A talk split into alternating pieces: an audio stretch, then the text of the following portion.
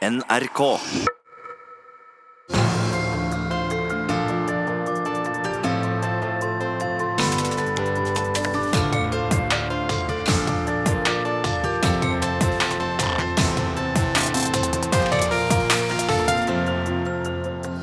Disse dager har nok et mediehus stengt kommentarfeltet på debattsidene etter hatefulle ytringer, hets og rasisme. Og ti år etter at en omstridt historiker med påståtte nazisympatier ble nekta å opptre på litteraturfestivalen på Lillehammer, har diskusjonen blussa opp igjen. Hva gjør vi med holdninger og ytringer vi ikke liker? Velkommen til disse dager på NRK P2, aktualitetsprogrammet som gjerne bidrar til at du blir litt klokere og litt mindre skråsikker. Varmt velkommen også til vårt publikum her på Kafé Stift på Lillehammer.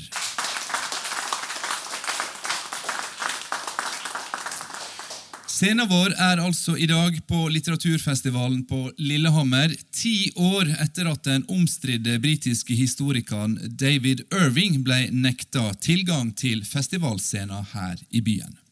Scenenekt, det som mange kaller no platforming og stenging av kommentarfelt, er temaer i disse dager.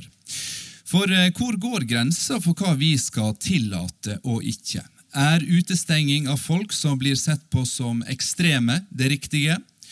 Og hvem er disse vi som skal avgjøre hva som er politisk korrekt og helt uakseptabelt? Hit kommer den danske suksessforfatteren Karsten Jensen for å snakke om polarisering i Europa og den politiske plattforma som høyreradikale er i ferd med å skape seg.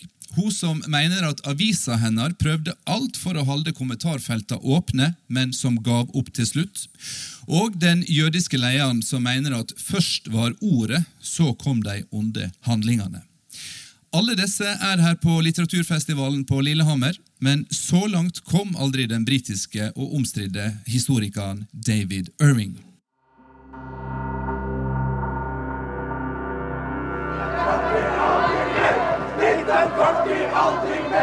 David Irving forsto neppe de norske slagordene, men fikk nok med seg budskapet da flere titalls demonstranter i dag skrek ut sin avsky.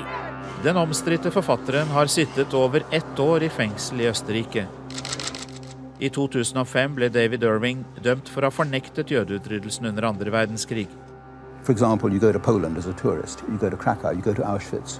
What you see there is a theme park, like Disneyland. Litteraturfestivalen på Lillehammer inviterte ham for å snakke om sannhet. Men det førte til så mye bråk at invitasjonen ble trukket tilbake. I was first of all very proud to receive the invitation. Then I was very insulted, not only that it was withdrawn so quickly, but the manner in which they withdrew it. Men Irving hadde allerede bestemt seg. I shall now come at my own expense. I'll come and I'll rent a hall, room, or, or function room, or whatever. Nå forbereder politiet seg på bråk og demonstrasjoner når David Irving er venta til Lillehammer i morgen. They, they can't debate me, and so they silence me. Ja, David Irving ble utsatt for det mange i dag kaller no platforming. På norsk ble han nekta tilgang til ei scene han var invitert til, og det er dette vi tar utgangspunkt i i, disse dager. Velkommen på scenen historiker Paul Knutsen, festivaldirektør Marit Borkenhagen og forstander i Det mosaiske trossamfunn, Ervin Kohn.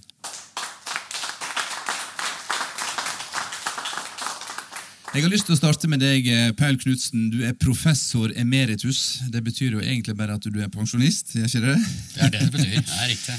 Du er professor i historie, og du jobber ved Høgskolen Innlandet her på Lillehammer. Og Du var jo her da dette rabalderet brøt ut. Kan ikke du nå ta oss tilbake til samtidshistoria, Paul, for det er den du er ekspert på? Ja, altså Jeg hadde jo den tvilsomme ære kan du si, å komme på førstesiden på lokalavisa her den siste lørdagen i september 2008. Fordi Sammen med David Irving. Det var et stort bilde av David Irving og et lite bilde av meg. Og der var overskriften eh, 'Manglende dømmekraft'. Jeg fikk nemlig en telefon fra en oppegående journalist i lokalavisa GD eh, den dagen da programmet for eh, litteraturfestivalen i 2019, nei, 2009 var klart. Altså høsten 28. Og temaet skulle være sannhet. Og da ble jeg intervjuet da rundt dette hva syntes jeg om at historikeren, rettere sagt amatørhistorikeren, David Irving var blitt invitert eh, til å snakke om sannhet. Og jeg syns at det var eh, veldig dårlig idé, og det ga jeg uttrykk for. Hvorfor var akkurat kombinasjonen sanning og Irving eh, en så dårlig miks? Vel, det var jo fordi han var jo en eh, beryktet løgner. Han eh, jeg vil ikke si han var lystløgner, sånn som Trump, men han var noe i nærheten av det. Og han var jo da blitt eh, Dette visste jo eh, offentligheten, fordi han hadde jo da tapt en rettssak i 2000 i England mot den som burde vært invitert, nemlig historikeren Deborah Lipstadt, som hadde skrevet en bok som anklaget Irving for å drive med historieforfalskning. Irving ble dømt som historieforfalsker, Hitler-beundrer og antisemitt. Uh, og at invitere en sånn mann til å komme hit for å snakke om, liksom, om, sannhet, det hadde kanskje en tanke om at da får vi i hvert fall oppmerksomhet. Det er mulig at det var noe sånt. Det vet ikke jeg. Der var det vel også interne motsetninger i festivalledelsen, vil jeg tro. Slik at det var den kunstneriske lederen som hadde stått for dette. og Han gikk jo også da av. Men altså, jeg ble intervjuet om dette og mener det samme i dag som jeg mente da.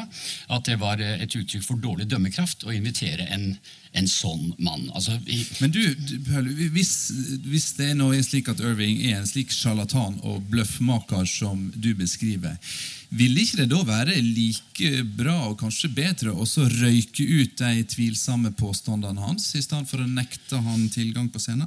Jo, det kan man i prinsippet si, at det kunne være mulig å gjøre det. Men da kunne man jo hente inn andre, andre mennesker, egentlig. Altså. altså for han var altså så til de grader ekstrem. Eh, man kan si at det er et argument for å hente han inn. Men han var altså da eh, altså ikke bare amatørhistoriker i den forstand at han bomma litt på ting og var litt uheldig med det han skrev, og tolkningen av kildene osv. Men han, eh, det ble jo påvist under rettssaken av en historikerekspert, Richard Evans, som kunne nazismen ut og inn, ikke sant? at han altså bevisst hadde gått inn for å forfalske kildene for å stille for da Hitler i et best mulig lys, og for altså da frikjenne Hitler for holocaust. Den typen ting. Så Det var jo altså en helt, en helt spesiell person, dette her, som eh, Men han kom jo, det var jo TV 2 som inviterte ham, da. Så han kom en snartur på våren 2009, eh, men han kom ikke til Lillehammer. Nei, Nå skal vi snakke om en, eh, en annen omstridt eh, kar. Eh, Steve Bannon. Han er kanskje ikke en, en lystløgner, som du omtaler Irving som, men han har i alle fall vært strateg og rådgiver for en som blir skylda for å være en løgnhals, nemlig president Donald Trump. Og eh, Bannon er mellom annet mannen bak den høyreorienterte nettstaden Breitbart, og det var flere som mente at han ikke burde få lov til å komme til mediedagene i Bergen, som han var invitert til tidligere i mai, men han fikk komme. Så er spørsmålet til deg, Marit Borkenhagen, som er sjef for litteraturfestivalen. Ville du ha latt eh, Steve Bann eh, tale på, eh, på Lillehammer, på festivalen din? Vi har ikke invitert banden til å komme hit, og det er fordi han har ikke vært relevant i det programmet og de diskusjonene vi ønsker å ha her på festivalen. Men sett at han var relevant, da, og noen foreslo at du skulle sende han en invitasjon, ville du ha gjort det? Det er mulig, det, men rammene rundt det er veldig eh, avgjørende for eh, om, eh, om, vi ville ha gjort det eller ikke. Han hadde ikke fått holde et foredrag, han hadde ikke fått delta i en samtale uimotsagt. Hvis vi hadde hatt et sterkt panel eh, som vi visste kunne eh, reflektere ulike standpunkter, så, eh, så kanskje. da er det ikke noe prinsipielt i veien for det fra fra vår side, sånn jeg ser det som eh, festivalleder. Eh, men samtidig må jeg også si det at eh, vi er opptatt av en debatt og en diskusjon hvor folk kommer sammen for å diskutere. Gjerne være uenige og bryne seg på hverandres meninger, men basert på fakta. Sånn at personer som driver bevisst desinformasjon, er ikke spesielt interessante for oss i forhold til det vi driver med. Men hvor går grensa for det ikke bare det lite interessante, men for det helt uaktuelle eh, for litteraturfestivalen hva gjelder å invitere kontroversielle mennesker? Det prinsipielle standpunktet når det gjelder ytringsfrihet, går ved loven. Hva du, har lov til, hva du kan si, har lov til å si, ikke har lov til å si. Altså, i den så enkelt er det, men så er det jo en vurdering i forhold til eh, hva som er en eh, interessant og en relevant debatt, og, og viljen til å diskutere og, og, og, forholde seg til spillereglene i en, eh, i en diskusjon, rett og slett. Mm. Velkommen eh, nok en gang til deg, Ervin Korn. Du er nestleder i Antirasistisk Senter, og, men du er mest kjent som forstander i Det mosaiske trossamfunn i Oslo. Du er altså en eh, jødisk religiøs leder i Norge. Hvor mener du grensa skal gå for hva vi ikke skal tillate av ytringer på scener og i det offentlige rom? Det er en viktig vurdering fra sak til sak. Eh, jeg syns ikke det prinsipielle er så interessant. Eh, og hvis grensen går ved loven, så, så um, tror jeg det blir galt. Altså Holocaustfornektelse er forbudt i enkelte land. Det er forbudt i Frankrike, Østerrike, Tyskland. Men det er ikke forbudt i Norge. Eh, ikke desto mindre så er det ingen grunn til å invitere holocaustfornektere og gi dem en scene. Det å fornekte holocaust er ikke det samme som å fornekte f.eks. Eh, utbrudd av hekla på Island, altså utbrudd av sånn vulkanutbrudd på Island. Det å fornekte vulkanutbrudd på Island, så jeg kan argumentere mot ja, men jeg var der, det var sånn røyk Vi ga det til og med et navn. Røyk, eh, hva heter det, Askefast. Dere husker det? Mm. Det er mange nok vitner som kan huske det, så vi kan imøtegå dem. Men, men, det er altså på et helt annet nivå enn å fornekte holocaust. For de som fornekter holocaust, eller er holocaust-revisjonister, dvs. Si skriver om historien, de gjør det med en agenda, og det putter det inn i en antisemittisk sammenheng som er skummel. Så for å svare på de spørsmål hvor bør grensene gå? Jo, de bør grensene er jo selvfølgelig ikke krystallklare. Ofte er det sånn at det er vanskelig å peke på grensen før du har passert den, men når du har tråkket over, så er det lettere å si at nå har jeg passert en grense som var litt ugrei. Men det er f.eks. Øh, på det som er farlig. Ikke sant? Det er derfor jeg reagerer på dine spørsmål uh, omkring dette med det vi ikke liker. For det er så mangt vi ikke liker. altså Noen liker mora, andre liker dattera. Men hva er farlig, da, Ja, Det som er farlig, er det som fòrer frykten. Fordi at det er en sammenheng mellom frykten og fordommene. altså Frykt fòrer fordommer, og fordommer fòrer hat. Og vi vet at hat avler vold. Altså Volden, hatet, oppstår ikke i et vakuum. Og det oppstår ikke fra den ene dagen til den neste. Så det er det som er den skumle sammenhengen. Og det er viktig å se på de sammenhengene. Så alle de som fyrer fòrer frykten, de må vi se opp for. Banden er en slik en. Men eh, noen kan jo innvende at det hat i seg sjøl, eller iallfall hatefulle tanker, det er ikke de som er farlige, men de kan bli det dersom de blir undertrykte. Ja, Det er jo en myte. Det er en misforståelse av dimensjoner. Det er ingen forskning som støtter. Derimot er det forskning som støtter at hat avler hat. Trykkokereffekten er jo en myte. Så, og, og for så, så, øh, så, har vi f.eks. For ikke forbudt nazistiske organisasjoner i Norge, slik som øh, vi har forpliktet oss overfor FN å gjøre i konvensjonen som skal forby all rasediskriminering. Øh, og da er et argument her at ja, men da vil de bare gå under jorden som om det var et argument for å ha dem fremme i lyset. Og da mener jeg tvert om. Det er bra om de går under jorden, for der nede er det mørkt og kaldt. det er utrivelig, Og det er vanskelig å rekruttere der nede. Altså Det er en grunn til at nazistene ønsker å marsjere i våre gater. For det blir lettere å rekruttere på den måten. Mm. Så trolla sprekker ikke lyset? Nei, det er også en myte. Troll blir brune i sola, akkurat som alle andre. Og i denne sammenhengen er brun en dårlig farge. Men Ervin Kone, vi søker jo alle i en eller annen grad legitimering for våre synspunkt. Er ikke det farlig å ta fra mennesket legitimiteten? Nei, Vi skal tvert imot passe på hvem vi gir legitimitet. Så Når vi for inviterer en mann som, som band, eller hvem som helst annen, på en scene i Bergen, ja, så bidrar vi til å legitimere og gi kred. Og eh, Det skal vi være forsiktige med. så Alle de som arrangerer store og små festivaler, ja, de bør tenke seg om hvilken posisjon de har, nemlig ved å gi andre mennesker kred. Så, så når jeg får en mikrofon her i dag, ja, så er jeg smigret over det, fordi at det gir meg kred. Du fremmer fremdeles argumentet for å nekte visse typer ytringer, ei en scene og en talerstol. Og ja, men, men, for all del, altså, jeg nekter ikke bandens ytringsfrihet. Det er, ikke, det er ikke det det går på. Men det er en forskjell på å si det at uh, gjennom å ikke invitere den eller den på en scene som uh, Litteraturfestivalen her på Lillehammer eller Mediefestivalen i Bergen, at de da dermed får begrenset sin ytringsfrihet. Altså, sånn er det ikke. Altså, når jeg får, eh, får, eh, får uh, scenenekt hos Martine Aurdal i Dagbladet, altså at hun avviser en av mine kronikker, så roper ikke jeg om at min ytringsfrihet er innskrenket. Altså, hallo. Takk skal dere tre ha, historieprofessor Paul Knutsen, festivalsjef Marit Borkenhagen og forstander Ervin Kohn. Hatprat og netthets i kommentarfeltene er neste avsnitt i disse dager.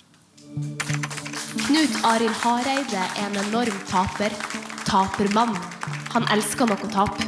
Forestiller seg sjøl som Jesus på korset. Vi trenger et mangfold av høyt kompetente mennesker, ikke et mangfold av hudfarger. Vi burde avvikle julefeiringa og erstatte den med en feiring av muslimske emigranter og muslimske gruppevoldtekter. Ta godt imot Alexa Døving og Martine Aurdal.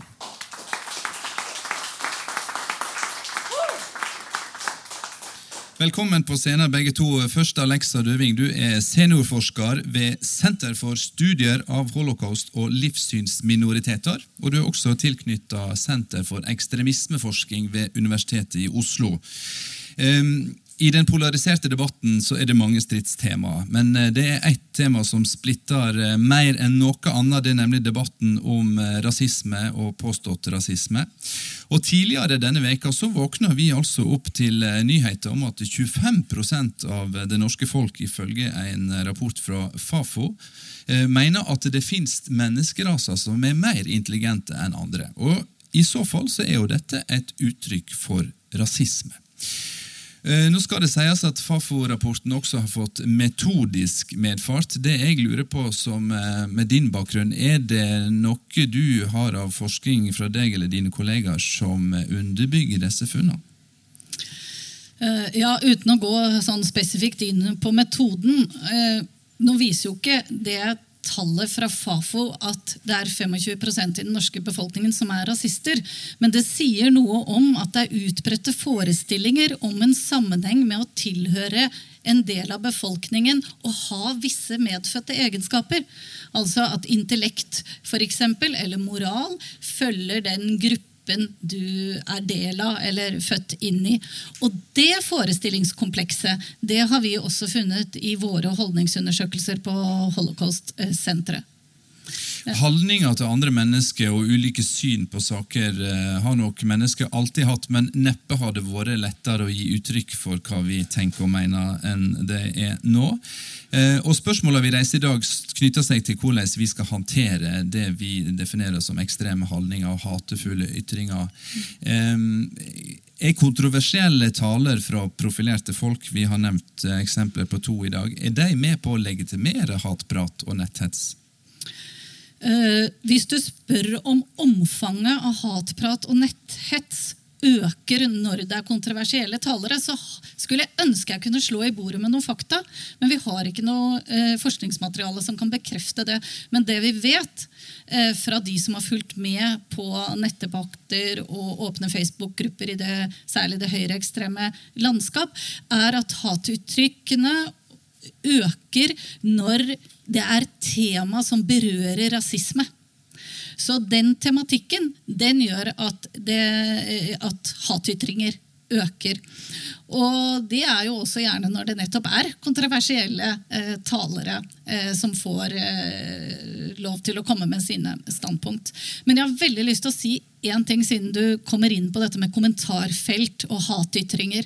Og det er at I norsk debatt så har vi, og også våre politikere, stort sett omtalt dette fenomenet som noe som handler om noen sånne sinte menn som sitter i kjelleren og hamrer løs på tastaturet sitt. Altså at det er noen som har dårlig impulskontroll. Og nå er omfanget så stort av hatytringer at vi er nødt til å se på det som et sosialt fenomen. Som et kulturelt fenomen. Vi gjorde det med metoo-kampanjen. Oi, er det noe i vår væremåte vi må ta et oppgjør med? Og la oss gjøre dette til noe mer enn enkeltindividers manglende kontroll på seg selv. Her er det liksom et symptom på noe. Martine Aurdal, redaktør i Dagbladet. Dagsavisen kunngjorde nylig at de fjerner mulighetene for å poste egne debattinnlegg eh, og kommentarer på sine debattsider. Og det er flere mediehus som har stengt kommentarfeltene sine den siste tida, eh, mellom, mellom de Dagbladet, som vel var relativt tidlig ute. Kan du ta oss tilbake til starten, fødselen av kommentarfeltene, for da hadde vi vel eh, en idé om at dette skulle bli både fint og flott og føre noe godt med seg? Vi var veldig optimistiske, og med god grunn, vil jeg si. Fordi ideen om en eh, åpen plattform der alle kan delta i debatten, var jo eh, radikalt ny med nettavisene og kommentarfeltenes Eh, fram, inntreden i offentligheten. Og det er jo, Nå sitter jo jeg til vanlig også og redigerer debatten i Dagbladet, og det kommer gjennom eh, nåløye og bli plukket ut i bunken og, og komme på papir, det er et, et lite nåløye. Det er vanskelig. Eh, så det at man kan publisere mye mer på nettet, at det at folk har muligheten til å ytre seg umiddelbart, enten de er fagpersoner eller bare folk som, eh, som ønsker å å ytre seg i en aktuell debatt, det er i seg selv verdifullt. Eh, og vi hadde jo i utgangspunktet mulighet for eh, anonyme innlegg. Det er jo mange som ikke kan ytre seg pga. jobben sin eller andre typer tilknytninger, så det var en verdi i seg selv. Eh, og vi hadde det først helt fritt. Og så så vi at det ikke ble helt sånn som vi ønsket. Vi har jo sett både hos oss og hos andre at det ble ganske raskt en negativ kultur i kommentarfeltene. Det var ikke så veldig mange som var aktive, men de var veldig aktive, og veldig mange av dem hadde ganske ja, til dels ekstreme, men, men også eh, klart eh, eh, altså holdninger som overhodet ikke representerte flertallet av befolkningen hvis vi sammenlignet med meningsmålinger. Eh, det kan jo skyldes uh, flere forskjellige ting. altså Sosioøkonomisk uh, hvem er det som har muligheten til å sitte og delta i disse debattfeltene osv. Men i hvert fall så fikk man en uh, debattkultur som det etter hvert ble åpenbart hadde behov for å modereres. Og det har vi prøvd til gangs i Dagbladet. Ja, For du sier at dere har prøvd alt, og så måtte dere gi opp? Ja, vi prøvde alt. Vi hadde først innlogginger, hvor man måtte identifisere seg på ulike måter overfor avisa. Eh, så hadde vi en ekstern moderator, som er den samme som de fleste norske nettaviser eh, har brukt i Sverige, eh, med norske moderatorer som satt og, og fjernet det verste. Så hadde vi Dagbladet-tilknyttede journalister som gjorde det samme. Så hadde vi, Den siste perioden så hadde vi åpningstider. Vi hadde fast ansatte moderatorer som satt ved siden av meg, som, eh, som, gjorde alt de kunne. Og det var med på å bedre debatten. Det fikk, ut, det fikk moderert de verste, men vi fikk ikke eh, flere til. Så til slutt så fant vi altså ut at det var for ressurskrevende, og det var ikke verdt det. Så dere stengte ned, slik som flere mediehus har gjort eh, seinere. Er ikke dette en enorm eh, fallitt mot den demokratiske tanken? Jo, på mange måter er det det. Og så er det jo også en del av den utviklingen hvor mye av debatten har flyttet seg til sosiale medier, slik at vi blir nødt til å bruke noen av de samme ressursene på å luke ut det verste i kommentarfeltene på Facebook, som jo er enda vanskeligere å moderere enn våre egne. Men jeg syns jo det er veldig synd, fordi at det å ha en åpen eh, debattarena på egne nettsider er jo fremdeles det idealet som jeg syns eh, er verdt å trakte etter. Men slik som det utviklet seg, så, så kostet det mer enn en det smakte. Mm. Alexa Døving, hva tenker du? Vil, vil vi endre måten vi snakker til hverandre på, eller vil den endre oss? I hvert fall så tror jeg at eh, det Martine forteller her, er at nettet og kommentarfeltene er kanskje et forum som egner seg dårlig for eh, debatt. Rett og, fordi, rett og, slett fordi debatt krever lytting. Og det er vanskelig å lytte, og det er vanskelig å ta seg tid til å lese ordentlig hva de andre har sagt. Man blir så på hugget av å skulle si hva man stenger, sitter inne med. Så jeg tror ikke man blir flinkere på noe vis uh, av egentlig de jeg, jeg, jeg, er kanskje ikke enig med deg at det er så fryktelig trist eller et tap for demokratiet at eh, de feltene ikke er åpne. Og så får man kanskje finne andre måter å, å, å snakke sammen på og få hørt flere stemmer. Det er nemlig én ting i denne plattform- og hatytringdebatten som sjelden kommer opp, og det er hvem er det som er sårbare for de kommentarene som kommer ut. Vi snakker så mye om retten til de som skal ytre seg, men det er noen mottakere der. Det er noen som fortsatt har familiehistorier etter eh, folkemordet fra holocaust, som skal tåle og den som får en plattform. Og det samme med hatytringene som florerer på nett. Det er mottakere, det er eh, minoriteter som leser om seg selv hver eneste dag. Takk skal du ha, Alexa Døving fra Holocaust-senteret. Martine Aurdal, du skal få bli sittende litt til når vi nå spør hva skjer når vi nekter noen å delta i den åpne debatten, og hvem er disse vi som avgjør hva som er akseptabelt og ikke?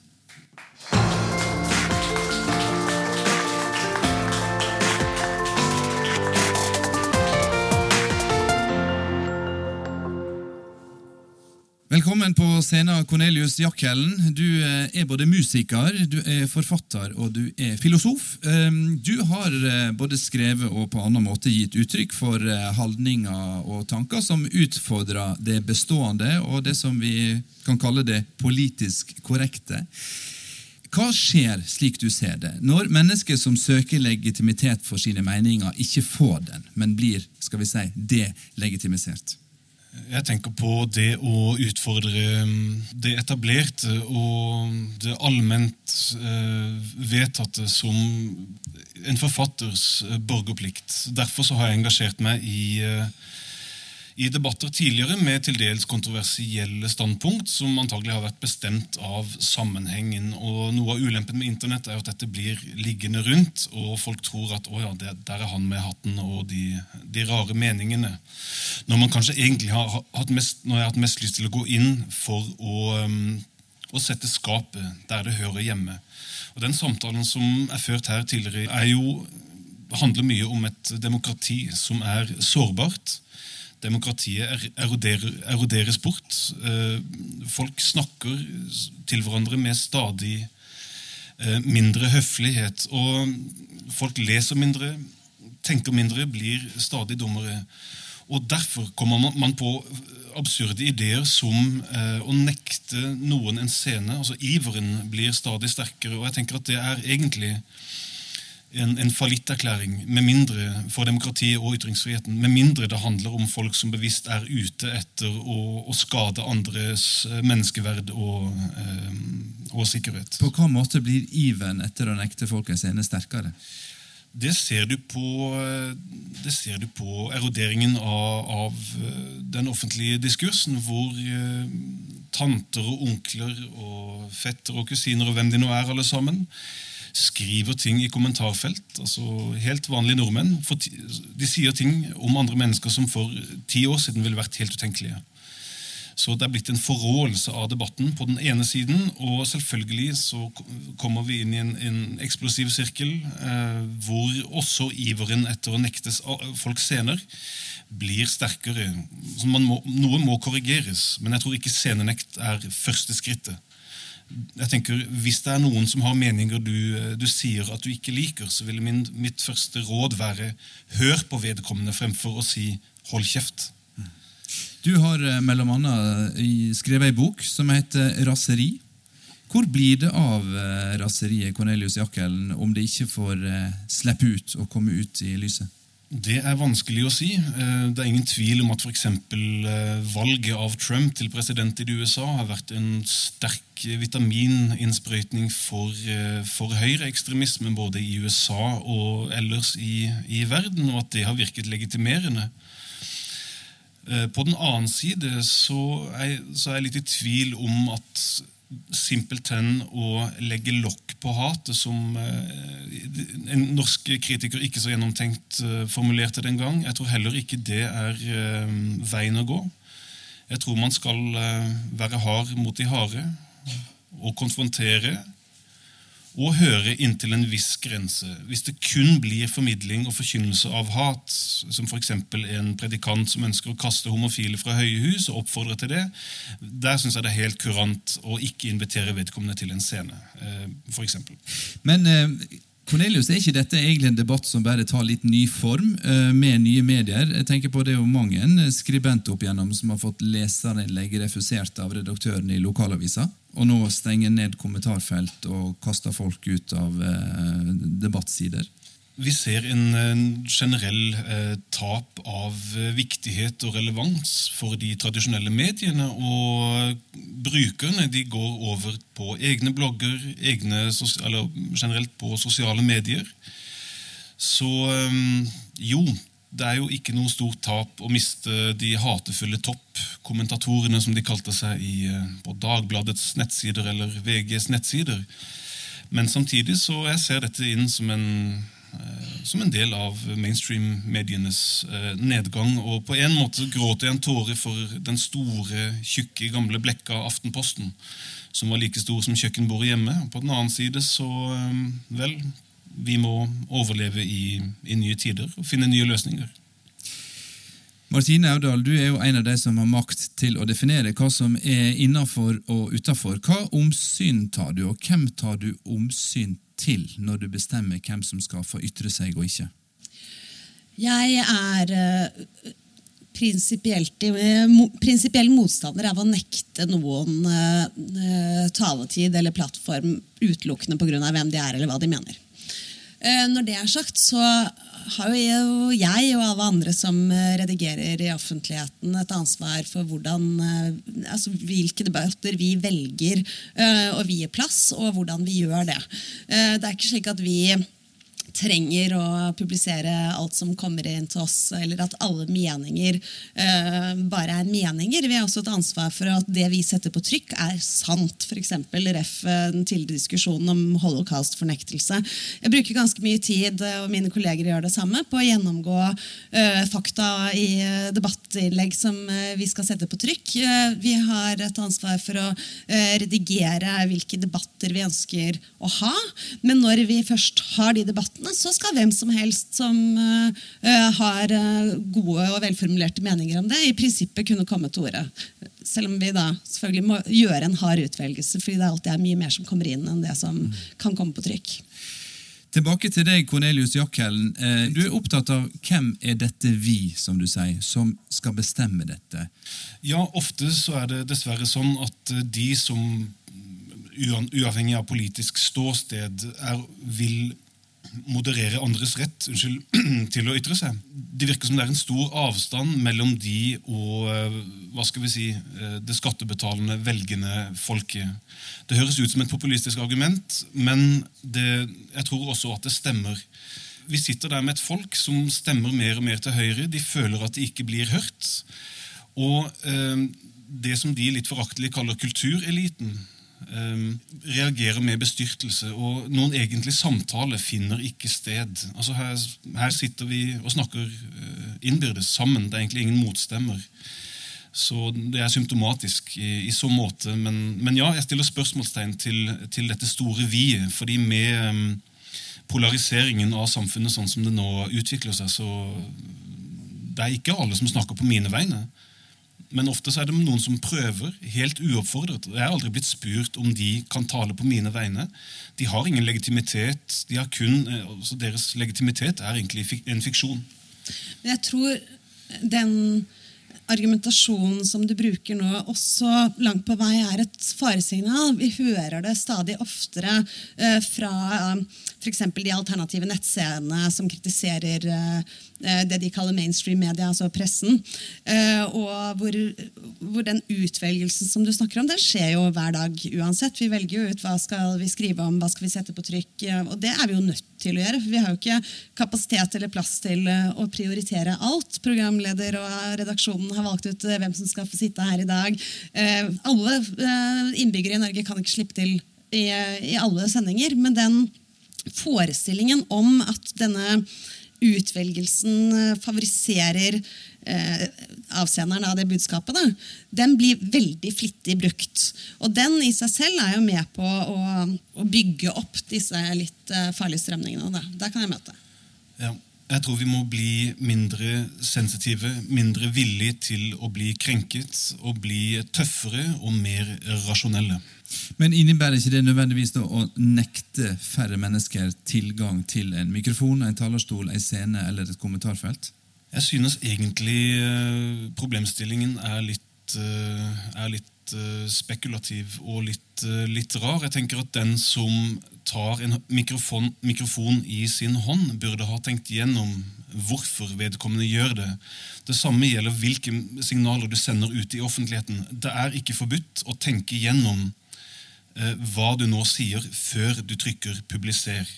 Det gjelder også de som sitter på Facebook til langt på natt, hvor ikke det finnes moderatorer og ingen åpningstider. Og På Facebook finnes det ikke redaktører, slik som det er i Dagbladet. Takk skal du ha, Martine Audal, og takk også til deg, Cornelius Jakkellen.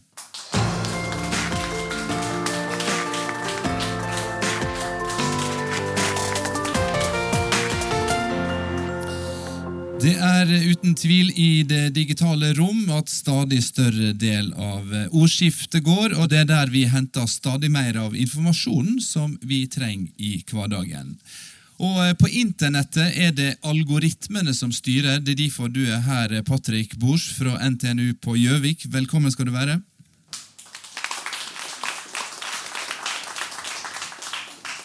Algoritmer, for de som ikke er kjent med begrepet, kan jo tro at det er bakterier vi snakker om. Eh, men det er det altså ikke, Patrick. Dette er reinspikka matematikk, egentlig. Forklar, forklar, oss som ikke er så stø i dette. Hva, hva gjør algoritmene? Um, algoritmer gjør vel akkurat det samme som vi som mennesker gjør. Hvis jeg kommer med en liste av uh, de ti favorittskuespillerne mine, så ut fra din erfaring, så kan du bestemme hvilken type film jeg liker. Uh, og uh, Hvis jeg går inn på Google for eksempel, og jeg søker på fornøyelsespark i Florida, så ut fra slike eh, søkeord før, så kan Google bestemme seg ja, kanskje de er interessert for å ha en ferie i Florida og komme med forslag til reiser eller feriehus i, i området. Nå skal vi jo ikke snakke om reiser til Florida, Patrick. Vi snakker om eh, polarisering, vi snakker om eh, det vi definerer som ekstreme ytringer, og vi spør hvordan skal vi forholde oss til eh, ytringer som blir for mye for oss, altså storsamfunnet. Spørsmålet er da er algoritmene med på å forsterke eh, hatet som eh, også eksisterer på internett? Ja, det, det kan skje. Så hvis jeg Uh, søker eller liker en innlegg f.eks. på Facebook som, som, går imot jødene og muslimer, ja, så ut fra erfaringer fra andre som gjør det det samme, så får jeg ny informasjon som likt tema. Så der får jeg ingen informasjon om uh, Kom til synagoge på fredag, men der får jeg informasjon kanskje uh, om uh, fornektelse av, av holocaust i andre verdenskrig. Og da forsterker det min mening hvis jeg bare ser på denne informasjonen. Ja, det ligger ute på nettet. Da må det være sant. Og dette var hva jeg trodde allerede, så nå blir jeg forsterket i min mening. Ja, Mennesket må være kritisk i informasjonen de får tilbake fra sånne søkemotorer. I forrige sending av disse dager så var temaet vaksineskepsis. Eh, og Den er mye større i andre land enn i Norge. Såpass at YouTube og Facebook nå har endra algoritmene sine for å hindre spredning av vaksinekritiske ytringer. Ser vi her altså at mediegigantene på internett tar politiske valg på vegne av oss? Ja, det er helt klart et politisk valg. Jeg, min mening er at Facebook må også vise alt som, som, som ligger inn i reglene til Facebook, må også vise noen uh, lyder som er litt mer kritiske. Ja, må måle det opp selvfølgelig mot uh, reglene som Facebook legger ut, at innlegg på Facebook skal følge de og de reglene. Men når temaet er polarisering, Patrick, kan vi se for oss en framtid der de store digitale mediegigantene eh, demmer opp for polariseringen? Tror du det vil være vilje blant de store gigantene å, å, å søke å påvirke informasjonsstrømmen slik at det ikke bidrar til polarisering, eller vil de bare slippe det fritt? Uh, som det er i dag, så, så um, støtter det polarisering. Men jeg synes at algoritmer kan endres, slik at ikke det bare uh, informasjon som forsterker synspunktet, skal vises, men også litt, litt motstand eh, mot den. Motstand mot Motstand mot min synspunkt. Jeg søker på min synspunkt. Jeg, jeg har en bestemt mening som, som uh, Facebook uh, vet om. Fordi jeg, jeg trykker på, på like uh, på for, forskjellige innlegg. Jeg legger ut om bestemte tema. Og ut fra dette så får jeg informasjon. Men Facebook og Google og andre kan være litt mer kritiske for å gi litt mer, litt mer synspunkter som går imot dette. Slik at jeg som, som person få flere synspunkter og kan orientere meg litt, litt, litt mer divers. Spørsmålet er da, Har det noe for seg å nekte omstridte talere eh, plass på scenen? Har det noe for seg å legge ned kommentarfeltene i norske nettaviser når vi er så påvirkelige og så styrte av algoritmene på det store internettet? Det har noen å si å legge ned kommentarfeltet eller nekte, nekte et plattform, men Internett er så stort. De, de med, med, andre synspunkter, med, med kontroversielle synspunkter, finner en annen plattform. Hvis jeg får, ikke, får nektet til å, til å, legge ut mine synspunkter på, på Facebook, så går jeg til, eh, til, YouTube. Og hvis jeg blir nektet der også, så finner jeg Twitter eller Instagram. Det er så mange forskjellige eh, plattformer som tilbys eh, nå i dag. Og Hvis ikke, så kommer jeg med en eget eh, nettside. Ja, og den kan ingen ta fra deg? Nei. Forhåpentligvis. Nei. Tusen takk for at du kom fra Gjøvik til Lillehammer for å være med i disse dager, Patrick Bosch fra NTNU. Du hører NRK P2.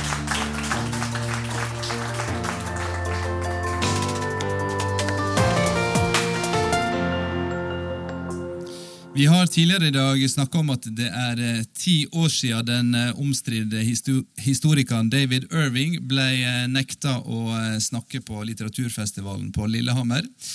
Det er også ti år siden den absolutt kontroversielle nederlandske politikeren Gert Wilders ble nekta innreise til Storbritannia.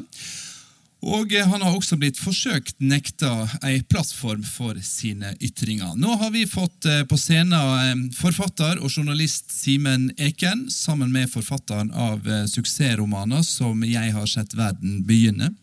Og Jeg har hørt et stjerneskudd og romanen Vi de druknede. Karsten Jensen.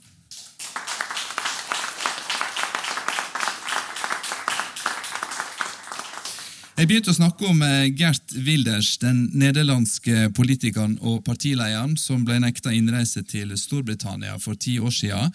Eh, nå er Gert Wilders og hans meningsfeller blant de som er i ferd med å sikre seg eh, sterk politisk makt i Europa. Valget til nytt EU-parlament e blir avslutta denne helga, og Europas høyreradikale parti ser ut til å gjøre det godt.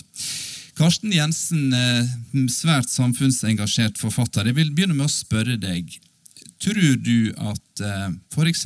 Gert Willers og hans meningsfeller ville fått mindre politisk makt dersom de hadde fått flere plattformer å tale fra? Hvis vi ikke hadde prøvd å stenge de ute tidligere? Nei, det tror jeg ikke. Altså øh jeg har siddet og lyttet til diskussionen nu her, og jeg synes et eller andet sted, øh, at den er ude af proportioner. Øh, fordi vi taler jo som om, at der var tale om statslig censur. Det er der jo ikke. Der er jo tale om private virksomheder, som en avis jo er, der redigerer. Øh, der er jo tale om mennesker, der har en platform, som er privatejet, som beslutter, hvem der skal stå på den. Sådan har det jo altid været. Det har jo ikke noget med ytringsfrihed at gøre. Der er jo ikke tale om, at vi har en, en yderste højrefløj, som er forment adgang til offentligheden. Hvis en avis ikke vil trykke et indlæg, hvis en tv-kanal ikke vil invitere en person ind fra højrefløjen, jamen, så kan de skabe deres egne platforme. Og det gør de jo. Og det er sådan, demokratiet er. Du er opptatt av eh, polariseringen i Europa, Karsten Jensen. Og eh, Det er jo et paradoks at de partiene som nå ser ut til å få stor makt i EU, er parti som er imot EU. Hva er det som har skapt polariseringen i Europa, slik du ser det? Altså, Jeg tror at øh, finanskrisen i 2008 er et avgjørende skæld.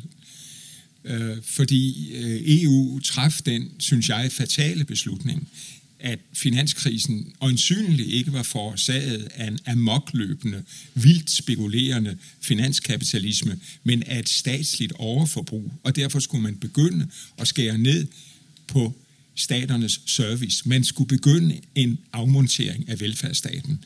Og jeg tror at rundt om i Europa, måske ikke så meget i Norge, fordi Fremskridspartiet er jo liberalistisk, men de fleste af de andre højre, øh, nye højrepopulistiske partier, de er ikke super neoliberalistiske. De er på mange måder mere socialdemokratiske orienteret Øh, og det er velfærdsstatens afvikling, der bekymrer dem.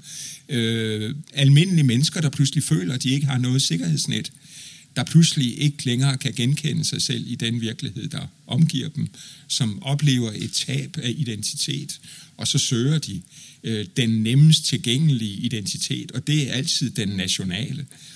Og så blomstrer nationalismen igen. Men det er jo ikke nødvendigvis sådan, at fordi de kommer til at stå bedre i Europaparlamentet, at så kan de tage magten i Europa. For så magtfuldt er Europaparlamentet jo altså heller ikke. Det er mer symbolikk enn uh, realpolitisk makt? Ja, det er mere symbolikken. Men det er jo også sådan, at en hel del af de højrefløjspartier vil jo ikke længere ud af EU, for de har set, hvad der sker med Brexit. Brexit har jo været EU-vennernes bedste allierede.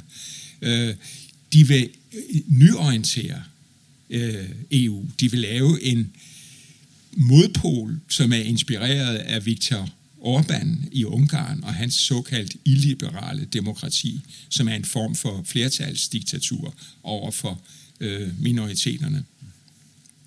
Temaet i disse dager er begrepet no platforming, eller scenenekt av kontroversielle holdninger og ytringer. Og nå er det mange som er svært spente og dels skeptiske til hva som skjer i, eh, med makta i EU, selv om Karsten Jensen mener at det er mer symbolikk enn realpolitikk. Simen Eken, du er journalist, og du kjenner bl.a. italiensk politikk eh, svært godt. Hvor mange av eh, disse mm, høyrepopulistiske partiene og lederne har blitt forsøkt holdt nede? Utsette for det vi snakker om som, som eh, scenenekt og no platforming? Eh, ja, en, en, en, del av dem har jo det. Det første eksempelet var jo Jean-Marie Le Pen i Frankrike. Dette er jo ikke noen ny bølge. ikke sant? Det har jo tross alt vært en bevegelse her som, som går helt tilbake til annen verdenskrig var ferdig, og, man fikk en, en, en, nyvurdering av en del politiske standpunkter. Men der er det noen interessante eksempler med han, der han dukket opp for første gang, fikk lov til å være med på en uh, offentlig TV-debatt. Man hadde stilt opp et stort panel med franske eksperter som skulle argumentere mot Jean-Marie Le Pen. Og effekten av det var jo bare en modig mann som står imot alle ekspertene.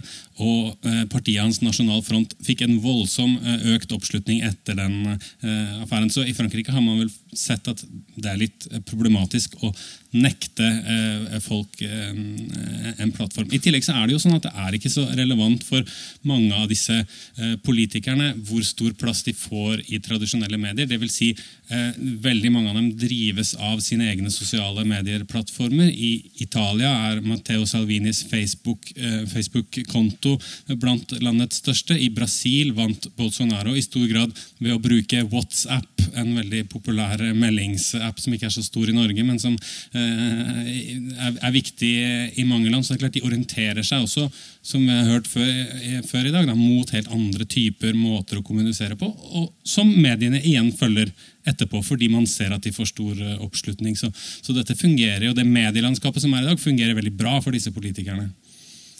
Karsten Jensen, tilbake til deg. Du har nå hørt om norske mediehus som eh, stenger kommentarfeltene sine fordi de ikke klarer å moderere ytringene som der foregår. Tenker du at nedstenging av den digitale debatten er veien å gå? Altså, så, så det, altså jeg syns det er et hvis jeg skal være helt ærlig, et pseudospørsmål. Fordi det det er jo i enhver avis rett å redigere. Før der var noe der hed digitale medier, var der jo masser av læserbrev der ble avvist. Og det var der jo ingen der syntes var et problem for demokratiet. Og at et dagblad så øh, lukker en, en øh, medieplatform fordi den ryger ut av kontrol, jamen det er de i deres gode, fornuftige ret til. Og så kan alle de utilfredse søge andre steder hen. Og øh, jeg tror ikke at det skaper bidrager yderligere til en politisk polarisering. Men så hører vi at, eh, at politiske ledere i Europa bygger makta si i de sosiale mediene og bruker egne kanaler som ingen kan kontrollere. Hadde ikke det vært bedre hvis disse stemmene fikk være i det redaktørstyrte rommet? Det tror jeg ikke, fordi de ville også ha bygget deres egne plattformer op alligevel, hvis de kan bruke hovedet, og det kan de godt, noen av dem. Øh, hvis de, altså det handler jo for, for den yderste højrefløj jo ikke kun om at få anerkendelse af mainstream. Det handler også om at opbygge en modmagt, og det gør man ikke ved at stå med tiggerskålen i hånden og få lov at få en kommentar på, på et etableret dagblad. Nej, der en del av polariseringen er jo at man skaper sine egne kanaler, sine egne platforme. Så øh, jeg tror ikke at, at en imødekommenhet over for det yderste højre øh, vil pacificere dem eller tæmme dem, gøre dem fra vilddyr til øh, kælende husdyr. Nej, det tror jeg ikke. Så er det to forskjellige diskusjoner. En ting er om man snakker om hatefulle ytringer på nett av anonyme eller ikke-anonyme personer. En annen ting, når vi nå snakker om, eh, om, om politikere, så, så vil det jo være en veldig merkelig påstand å si at eh, Dansk Folkeparti ikke slipper i, til i mediene, eller at vi aldri hører noen ting om Siv Jensen i Norge, eller at Matteo Salvini er en ukjent figur på TV i Italia. Han er gjest i alle debattprogrammer eh, som finnes. Så disse er jo overrepresentert snarere enn underrepresentert. på den. Disse politikerne, Det er jo en annen diskusjon om, om, om, om disse ytringene på nettet, men det, det tenker jeg det er jo litt viktig å skille de to fra hverandre. Det er jo stort sett disse partiene man hører om. Jensen? Ja, altså det er jeg, har jeg fuldstændig, giver jeg Simen fuldkommen ret i, fordi Dansk Folkeparti har ikke opbygget nogen alternativ platform. Det behøver de ikke. De er til stede i alle medier hele tiden, round the clock. Og hvis jeg bliver ringet op af en journalist fra Danmarks Radio, så har jeg altid lyst til at spørge, sagde du Danmarks Radio, eller sagde du Dansk Folkepartis pressetjeneste? For de taler og tænker fuldkommen lige sådan, og det gør de udelukkende af frygt og angst for nedskæringer og fyringer. Og man kan jo sige, at i et land- som Danmark, altså det kommende folketingsvalg, der står Dansk Folkeparti til et historisk nederlag. De mister formodentlig mindst halvdelen af deres mandater. Danskerne er blevet så trætte af dem. Men deres værdier sejrer. Deres værdier er overtaget af de borgerlige midterpartier og af Arbejderpartiet, som vi i Danmark kalder Socialdemokraterne. Og det er virkelig tragisk. Det kan jo være et eh, paradoks eh, når vi hører på disse diskusjonene. eh, Så er det jo et faktum, som både norske og danske medier har påpekt, at samfunnet vårt blir jo ikke mer polarisert slik som vi omtaler det som. Folk flest, både i Norge og i Danmark, er like enige om de store spørsmålene i samfunnet og i livet som de var før, men i politikken så øker motsetnadene, og avstanden blir større. Og Da lurer jeg på, eh, Simen Eiken først, hvordan ser du utviklinga av den offentlige debatten eh, i Europa, gitt det vi nå har snakket om, om polarisering og motsetnader? Jeg tenker jo at den offentlige debatten i seg selv er med på å skape debattklima. Det er ikke alltid sånn at eh, man går og lytter til et folkedyp som har bestemte meninger, som deretter liksom kanaliseres ut i mediene. En offentlig debatt skapes også av den som bestemmer hvordan debatten skal foregå, av politikerne som ser hva som fungerer. Og det er åpenbart sånn at politikken har blitt eh, sånn at den er blitt mer av en evigvarende valgkamp, der man ser at det lønner seg å skru opp volumet, det lønner seg å snakke snakke til bestemte grupper som er med deg. Matteo Salvini som jeg var inne på, refererer hele tiden til mitt folk når han er ute på Facebook-turné. Det er mitt folk han snakker til. Det er jo en bestemt gruppe av befolkningen, men det er da hans folk. Dette er jo bevisste beslutninger, bevisste strategiske beslutninger som gjøres av politikere i dag, og som i sin tur også er med på å forme den offentlige debatten. Så folk blir jo også polariserte av hvordan eh, de menneskene som slipper til i debatten, oppfører seg. Eh, og Det er viktig å huske på.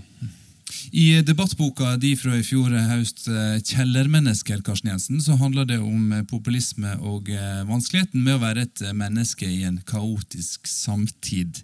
Hvis du ser inn i krystallkula, blir samtida mindre kaotisk og debattklimaet bedre, tror du? Nej, det tror jeg egentlig ikke.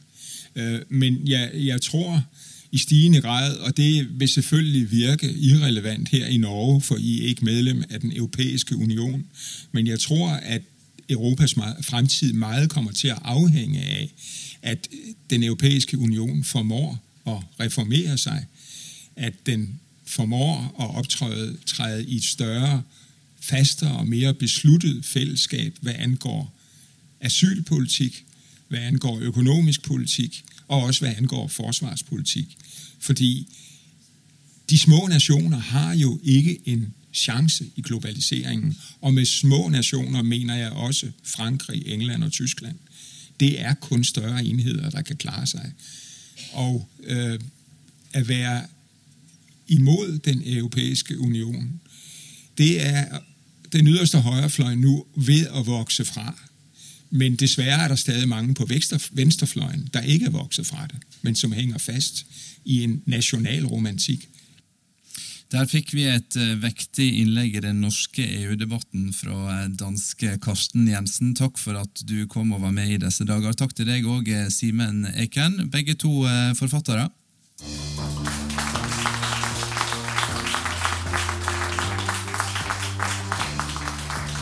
Også til publikummet vårt her på Kafé Stift på Lillehammer. Og eh, stor takk til de som var med å lage denne sendinga. Reporter eh, som vanlig Ola Solheim. Teknisk ansvarlige Helje Torsdatter Svensson og Geir Døli Gjersjø. Produsent var Ragnhild Vartdal, og jeg heter Håkon Haugsbø og ber deg om å sende en e-post til oss på disse dager krøllalfa nrk.no. Møt gjerne opp som publikum også. Du finner invitasjonen på Facebook. Takk for følget.